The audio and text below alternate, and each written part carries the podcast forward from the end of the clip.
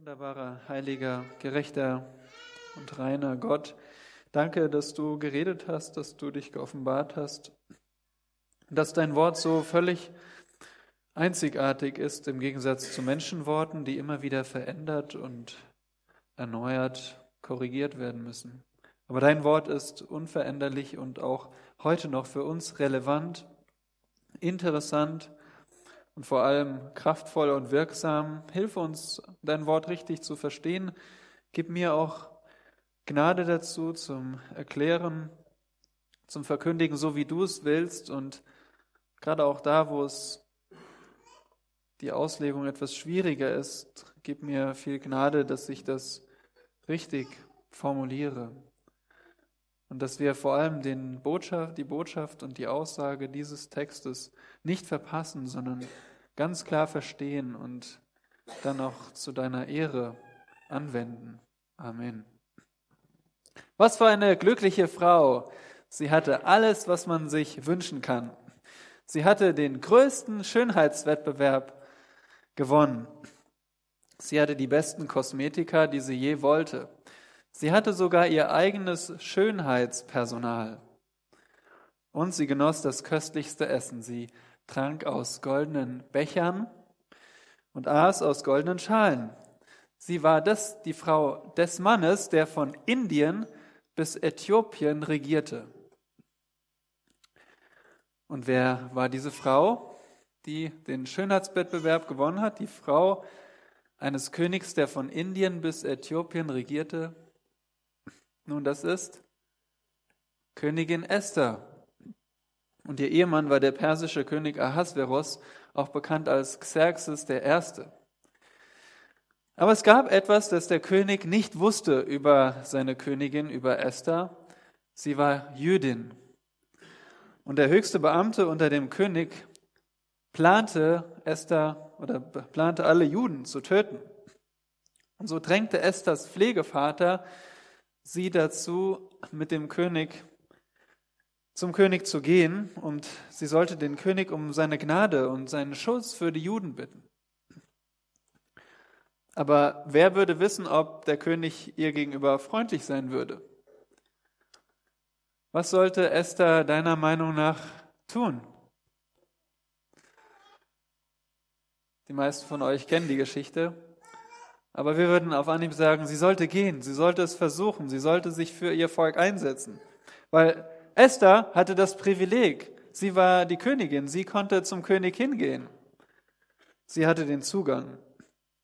Sie hätte auch einfach ihre jüdische Identität verschweigen können und einfach weiterhin das gute Essen genießen können und sich am Reichtum erfreuen können, aber das wäre egoistisch gewesen. Esther begnügte sich nicht damit, einfach nur ihren Status für sich selbst zu genießen. Nein, sie hat ihre, ihren besonderen Zugang eingesetzt, um ihrem Volk zu helfen. Bist du wiedergeboren, so hast du auch Zugang zum König. Paulus schreibt in Epheser 2, Vers 18, denn durch ihn, durch Christus, haben wir beide den Zutritt zum Vater in einem Geist. Als Kinder Gottes, die in Christus Vergebung geschenkt bekommen haben, können wir direkt zum Vater sprechen und im Gebet zum Vater gehen. unglaublich, diese Vorstellung, aber es ist Realität. Die Frage ist, wie nutzt du deinen Zugang? Wie nutzen wir unseren Zugang zum Vater? Und wie sollen wir unseren Zugang zum Vater nutzen? Am Ende seines Briefs gibt Jakobus uns die Antwort darauf, in Jakobus Kapitel 5. Schlagt bitte mit mir in euren Bibeln Jakobus Kapitel 5 ab Vers 13 auf. Jakobus, der Halbbruder Jesu, war eine Säule in der Jerusalemer Gemeinde und er war ein großer Anführer, weil er sich aufrichtig um seine Brüder und Schwestern kümmerte, auch dann, wenn sie nicht mehr in Jerusalem wohnten. Er schrieb an solche, die sich nur äußerlich zu den Christen zählten, damit sie umkehren und gerettet werden. Aber er schrieb auch an echte Gläubige, damit sie zur geistlichen Reife heranwachsen. Das ist sein Anliegen.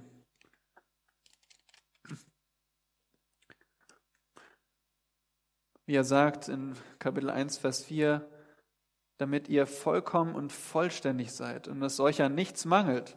Er will, dass wir wirklich so sind, wie Gott uns haben will in Christus. Und das Gebet ist ein zentrales Merkmal der Reife als Christ. Und deswegen geht es auch hier jetzt um das Gebet. Gebet ist kein Ritual, es ist ein Lebensstil. Und so hört mit mir auf Jakobus 5, Vers 13 bis 18. Leidet jemand von euch Unrecht? Er soll beten. Ist jemand guten Mutes? Er soll Psalmen singen. Ist jemand von euch krank? Er soll die Ältesten der Gemeinde zu sich rufen lassen und sie sollen für ihn beten und ihn dabei mit Öl salben im Namen des Herrn. Und das Gebet des Glaubens wird den Kranken retten und der Herr wird ihn aufrichten, wenn er und wenn er Sünden begangen hat, so wird ihm vergeben werden. Bekennt einander die Übertretungen und betet füreinander, damit ihr geheilt werdet.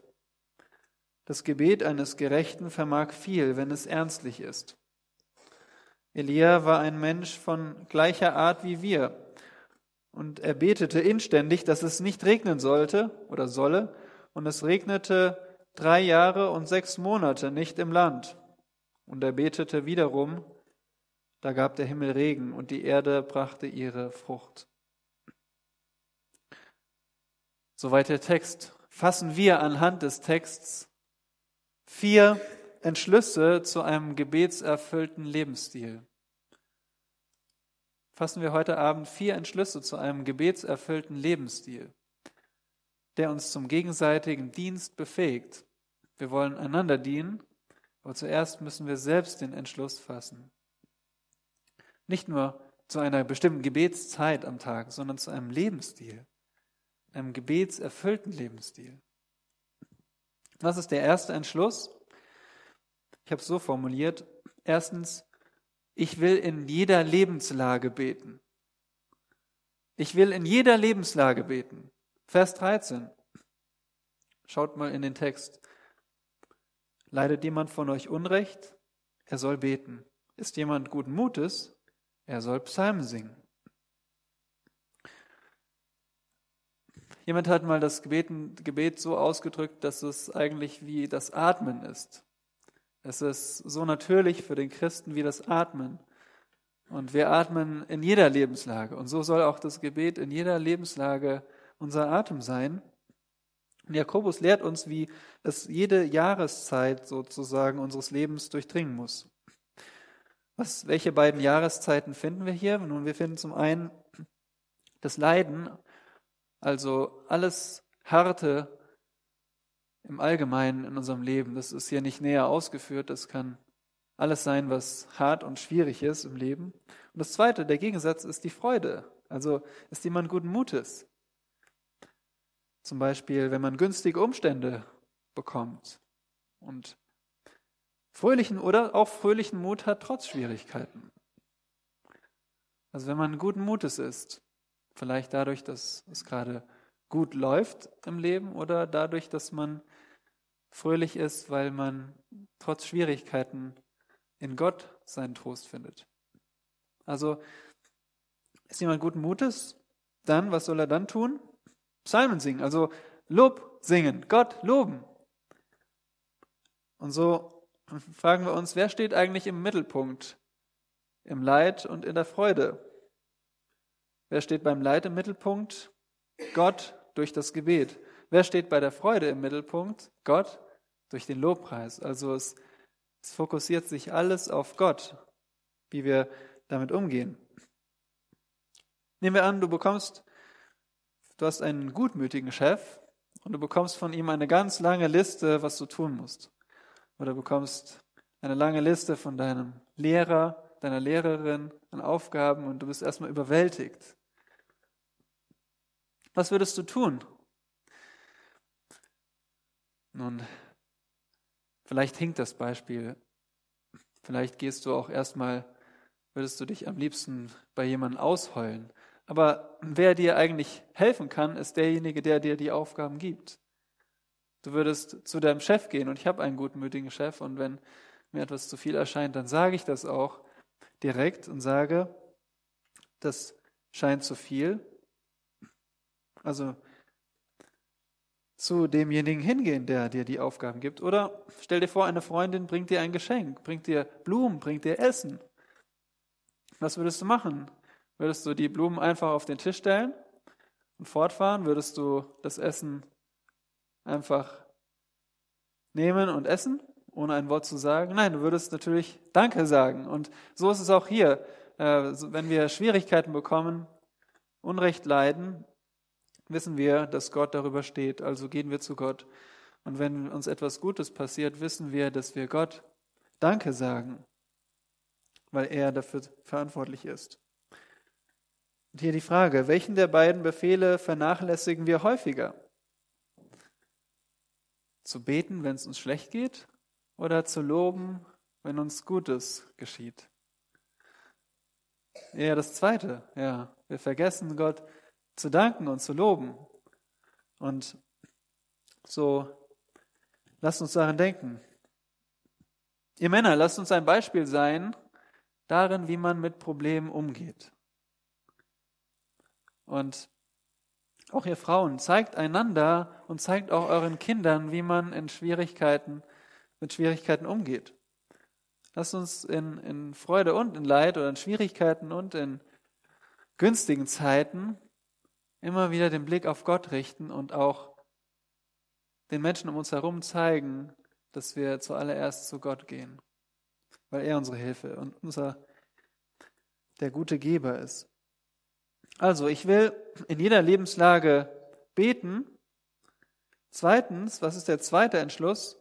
Ich will Gebet erbitten, wenn ich schwach bin. Ich will Gebet erbitten, wenn ich schwach bin. Vers 14 bis 15. Nach diesen Entbehrungen und den Höhepunkten, Vers 13, hat Jakobus jetzt eine besonders schwierige Herausforderung im Auge. Über welche Situation schreibt Jakobus?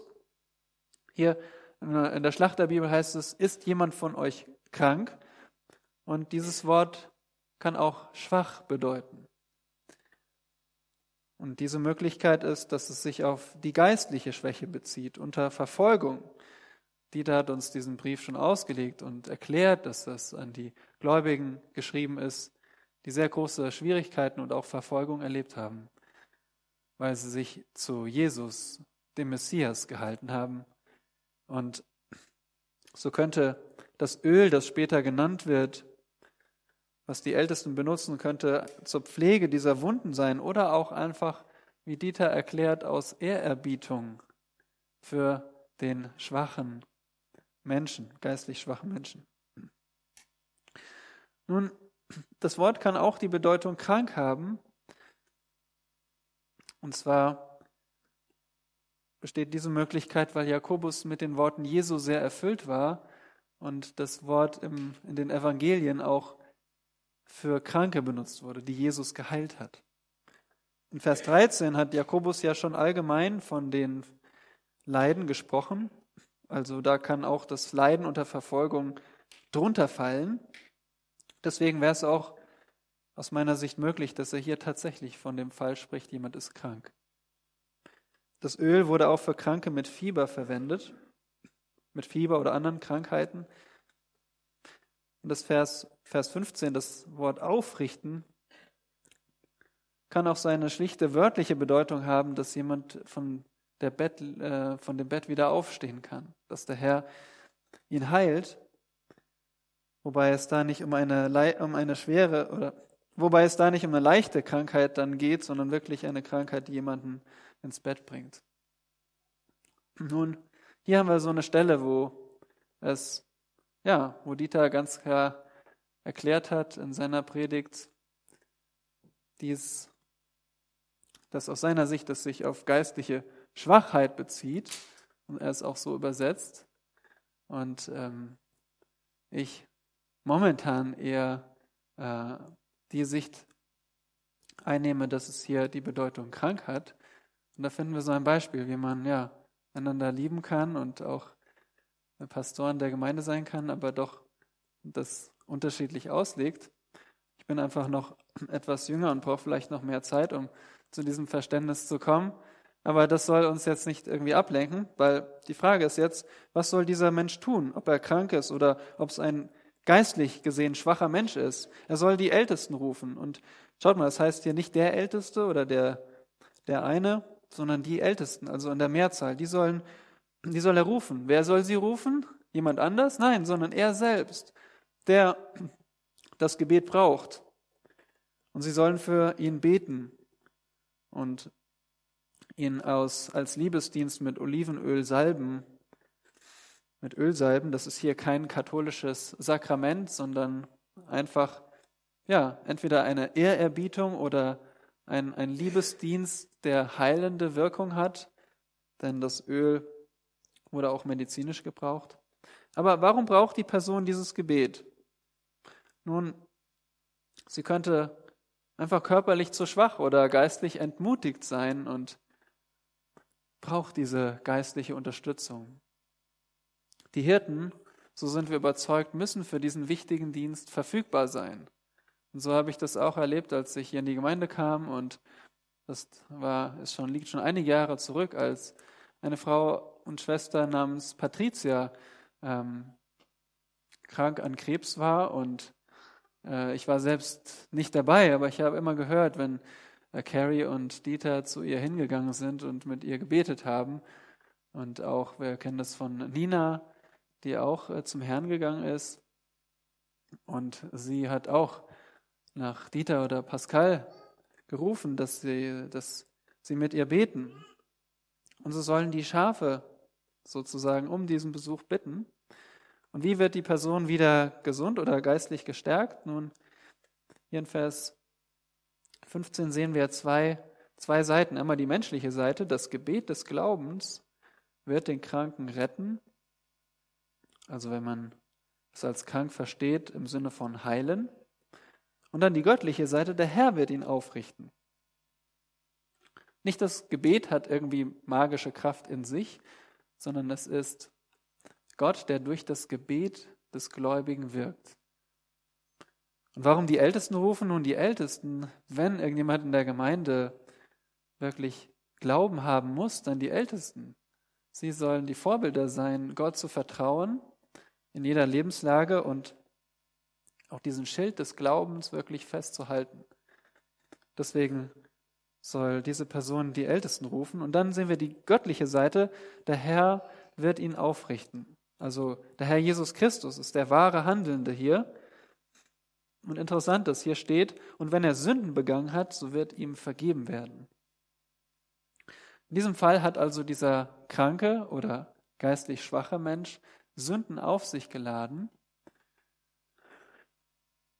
und seine Krankheit mag auch direkte Folge davon sein, als Gottes Reaktion, Züchtigung, oder es ist so, dass ihm während der Krankheit, während dieser Zeit eine Sünde oder seine Sünden im Leben bewusst geworden sind. Und wie dem auch sei, ihm wird die Sünde bewusst und die Sünde hat die Gesundung behindert oder den Zustand zusätzlich verschlimmert. Und nun bittet diese Person um Vergebung.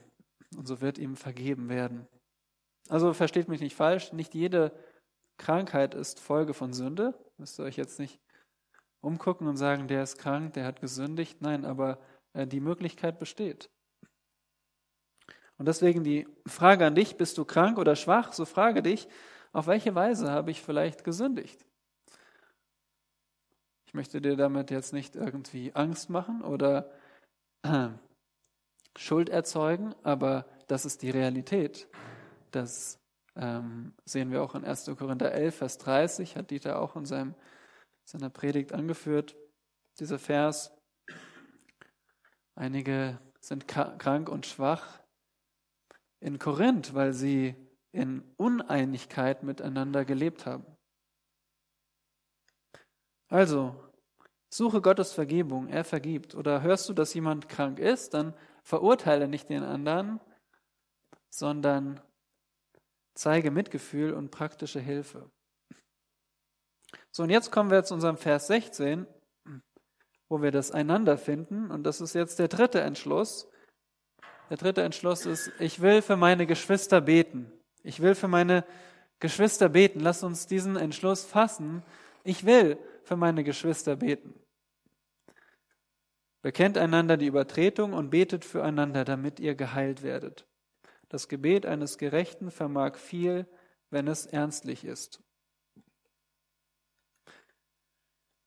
Und so ist der Gedankengang. Jakobus zeigt, das Gebet der Ältesten ist wirksam. Nun, das Gebet ist für alle da. Wir alle sollen beten. Wir alle sollen im Gebet zu Gott kommen. Und so sollen wir füreinander beten. Im griechischen Text steht hier ein deshalb, was hier nicht übersetzt ist. Deshalb bekennt diese Übertretung und betet füreinander. Warum? Weil das Gebet wirksam ist, wie ihr an dem Gebet der Ältesten gesehen habt. Bekennt einander die Sünden ist nicht einmalig, sondern wir sollen stetig die Sünden bekennen. Das gilt den Personen, die vorher hier genannt werden, also der Kranke bzw. Schwache. Aber es gilt auch uns allen, wenn wir sündigen. Bekennen ist hier offen und freimütig, also nicht nur so ein Es tut mir leid, sondern bekennen heißt die Sünde beim Namen nennen, so wie Gott sie nennt. Und dann die Denkweise anhand der Bibel zu erneuern und Veränderungen zu planen. Das bedeutet, es umzukehren von der Sünde. Und wem sollen wir bekennen? Also werde ich euch jetzt gleich hier auffordern und einander und ein, ja, nacheinander durchgehen und sagen, bekenn mir mal deine Sünden? Nein, auf keinen Fall. Wir machen keine Bekenntnisversammlung. Das bedeutet, bekennt einander die Sünden heißt, an wem du schuldig geworden bist, dem bekennst du deine Sünde. Also unter vier Augen oder den Menschen, an denen du schuldig geworden bist, den sollst du die Sünden bekennen. Und welche Sünden meint Jakobus? Nun, wir finden in dem Brief mehrere Sünden, zum Beispiel Bevorzugung und Ausgrenzung. Kapitel 2, Vers 1. Oder falsche Lehre weiterzugeben oder unbedacht zu reden in Kapitel 3 die Sünden der Zunge. Oder Neid, 3 Vers 14. Kämpfe untereinander, Kapitel 4 Vers 1. Geiz, 5 Vers 4. Oder sich übereinander zu beschweren, 5 Vers 9. Solche Sünden sollen wir einander bekennen, wenn sie uns bewusst werden und damit wir Vergebung bekommen. Warum, jetzt haben wir schon hier 20 Minuten verbracht in diesem Text, ohne überhaupt über dieses Wort betet füreinander zu reden. Interessant, oder? Aber das ist Gottes Wort. Und Gott zeigt uns hier, dass unsere Fürbitte heuchlerisch und unwirksam ist, wenn wir nicht unsere Sünden bekennen und bereinigen. Es geht nicht darum, lass uns möglichst schnell einfach zusammensitzen und füreinander beten. Nein, wir müssen auch die richtigen Personen sein. Wir müssen also in dem Sinne, ähm, müssen wir unsere ja, unbereinigten Sünden bereinigen. Achtet mal auf Matthäus 5, Vers 23 bis 24, wo der Herr sagt, wenn du nun deine Gabe zum Altar bringst und dich dort erinnerst, dass dein Bruder etwas gegen dich hat, so lass deine Gabe dort vor dem Altar und geh zuvor hin, versöhne dich mit deinem Bruder und dann komm und opfere deine Gabe. So wichtig nimmt der Herr, dass wir unsere Sünden in Ordnung bringen. Also wir können unsere Sünden nicht in Ordnung bringen. Wir müssen biblisch reden hier. Nein, dass wir unsere Sünden einander bekennen und Vergebung empfangen, Vergebung aussprechen. Und das natürlich auch vor Gott. Bevor wir durch unsere Gewohnheit gehen, Fürbitte zu tun. Und erst dann sind wir bereit, uns auch der Fürbitte zu widmen. Nun, was ist begeisternd an der Fürbitte? Dass sie mächtig und wirksam ist. Das zeigt uns hier der Jakobus. Das Gebet eines Gerechten vermag viel, wenn es ernstlich ist. Die Frage ist, wann sind wir eigentlich gerecht? Nun, das ist für euch als aufmerksame Zuhörer jetzt leicht zu beantworten. das Gebet eines Gerechten. Wir haben ja eben schon darüber gesprochen, wie wichtig es ist, dass wir uns als Beter von der Sünde trennen.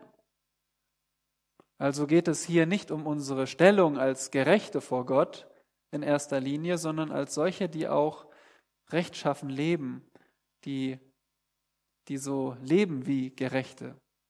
Also was meine ich damit? Zum Beispiel, dass wir treu arbeiten oder bibeltreu unsere Kinder erziehen, dass wir uns unter Autoritäten unterordnen, dass wir die Gemeinschaft der Heiligen suchen, dass wir unseren Ehepartner lieben, dass wir geben, dienen, beten und hoffen. Also diese praktische Gerechtigkeit üben, damit unser Gebet auch viel vermag. Und diese Rechtschaffenheit brauchen wir, um effektiv für andere beten zu können. Also, jetzt fragt ihr euch vielleicht, wann kommen wir denn zu den Details? Wie soll ich beten? Wie, äh, in welchen Reihenfolge oder für welche Anliegen? Nun, das sind alles Details. Und die, die werden wir lernen oder die werden wir auch, auch äh, verstehen. Aber Jakobus geht es hier darum, wer wir überhaupt sind und wie wir miteinander umgehen, wie wir mit der Sünde umgehen. Wir haben es am Sonntag gelernt, wie zerstörerisch die Sünde ist. Und auch Jakobus zeigt uns, wie wichtig es ist, dass wenn wir füreinander beten wollen, dass wir dann uns, dass wir ernsthaft gegen die Sünde kämpfen und vorgehen.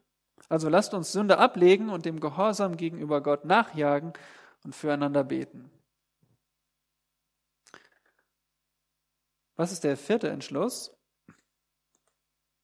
Der vierte Entschluss lautet, ich will das Beten aus der Schrift lernen. Verse 17 bis 18. Und das Alte Testament ist reich an Beispielen von Gläubigen, die Gott vertrauten. Und Elia ist einer von ihnen, der Jakobus so ermutigte.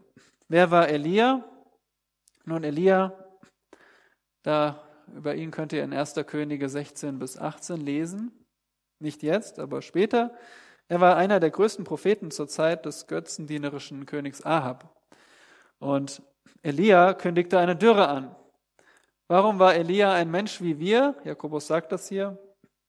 Elia war ein Mensch von gleicher Art wie wir. Nun, er war ein Mensch, der auch Leiden erlebte und Elia hatte Angst. Elia war auch mal verzweifelt. Also Elia war ein Mensch wie wir. Aber er betete inständig. Wörtlich heißt es hier, er betete mit Gebet. Er betete mit Gebet. Also er war so fokussiert auf das Gebet.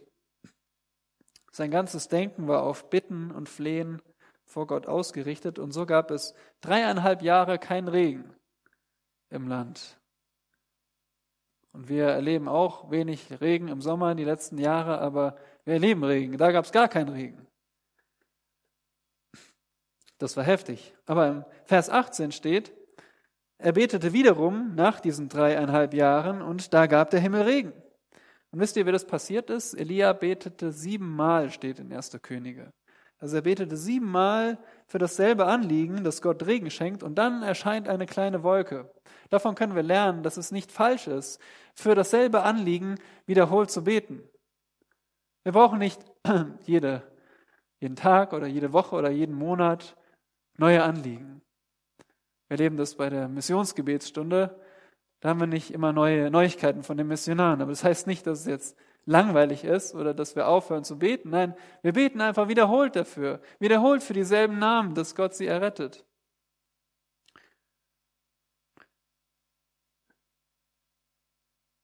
So fließt das Gebet füreinander aus einem Lebensstil des Gebets. Begnüge dich nicht mit ein paar Minuten am Tag, sondern lasst uns, ja, unser ganzes Leben lang beten. Er will unser ganzes Herz, der Herr. Deswegen bete zu jeder Zeit. Also übe das Gebet zu jeder Jahreszeit deines Lebens. Bitte um Gebet, wenn du krank oder schwach bist. Hast du dich an jemanden verschuldigt, so bekenne es, bitte um Vergebung und dann bete für sie oder für ihn. Und bedenke, wie wichtig das Gebet ist, denn Gott wirkt mächtig durch das Gebet. Und lerne das aus den Beispielen der Schrift. Sicher habt ihr schon von Augustinus von Hippo gehört, der im vierten und fünften Jahrhundert Kirchenvater war. Und als Pastor hat er viele theologische Bücher geschrieben und die Bibel gegen falsche Lehren verteidigt. Aber wusstet ihr, dass Augustinus Christus über drei Jahrzehnte ablehnte? Aber es war seine Mutter Monika, die mehr als 30 Jahre lang für ihn betete, bis er sich zu Christus bekehrte. Und sie ist ein großes Zeugnis für treue Gebete für ihren Sohn. So wie der Herr Jesus sagt in Matthäus 6, Vers 6, du aber, wenn du betest, geh in dein Kämmerlein und schließe deine Türe zu und bete zu deinem Vater, der im Verborgenen ist. Und dein Vater, der ins Verborgene sieht, wird es dir öffentlich vergelten. Danke, Herr Jesus, für diese Zusage, dass der Vater uns sieht, dass du uns siehst, dass du mit uns bist. Du kennst unser Herz. Du weißt auch, dass wir uns unser eigenes Herz selbst nicht in dieser Tiefe kennen, dass wir auch wie David beten wollen. Ja, überführe uns von der Sünde und überführe oder vergib uns auch die Sünden, die uns gar nicht bewusst sind. Wer kann merken, wie oft er fehlet? Vergib mir die verborgenen Sünden. So beten wir. Weil dass wir erhört werden, liegt nicht an uns und an unserer Reinheit letztendlich, sondern an deiner Gnade. Aber wir wollen ernsthaft leben als Christen. Wir wollen uns von der Sünde trennen. Und so bitte hilf auch, dass wir ähm, ja vielleicht auch in dieser nächsten Woche erkennen, wo wir aneinander schuldig geworden sind, dass wir einander die Sünden bekennen, dass wir einander die Sünden vergeben, dass wir so dann völlig befreit und aufrichtig auch füreinander beten können und dass du Wirksamkeit schenkst, dass du wirkst durch das Gebet des Gerechten und zwar große Dinge, die nur du tun kannst. In Jesu Namen. Amen.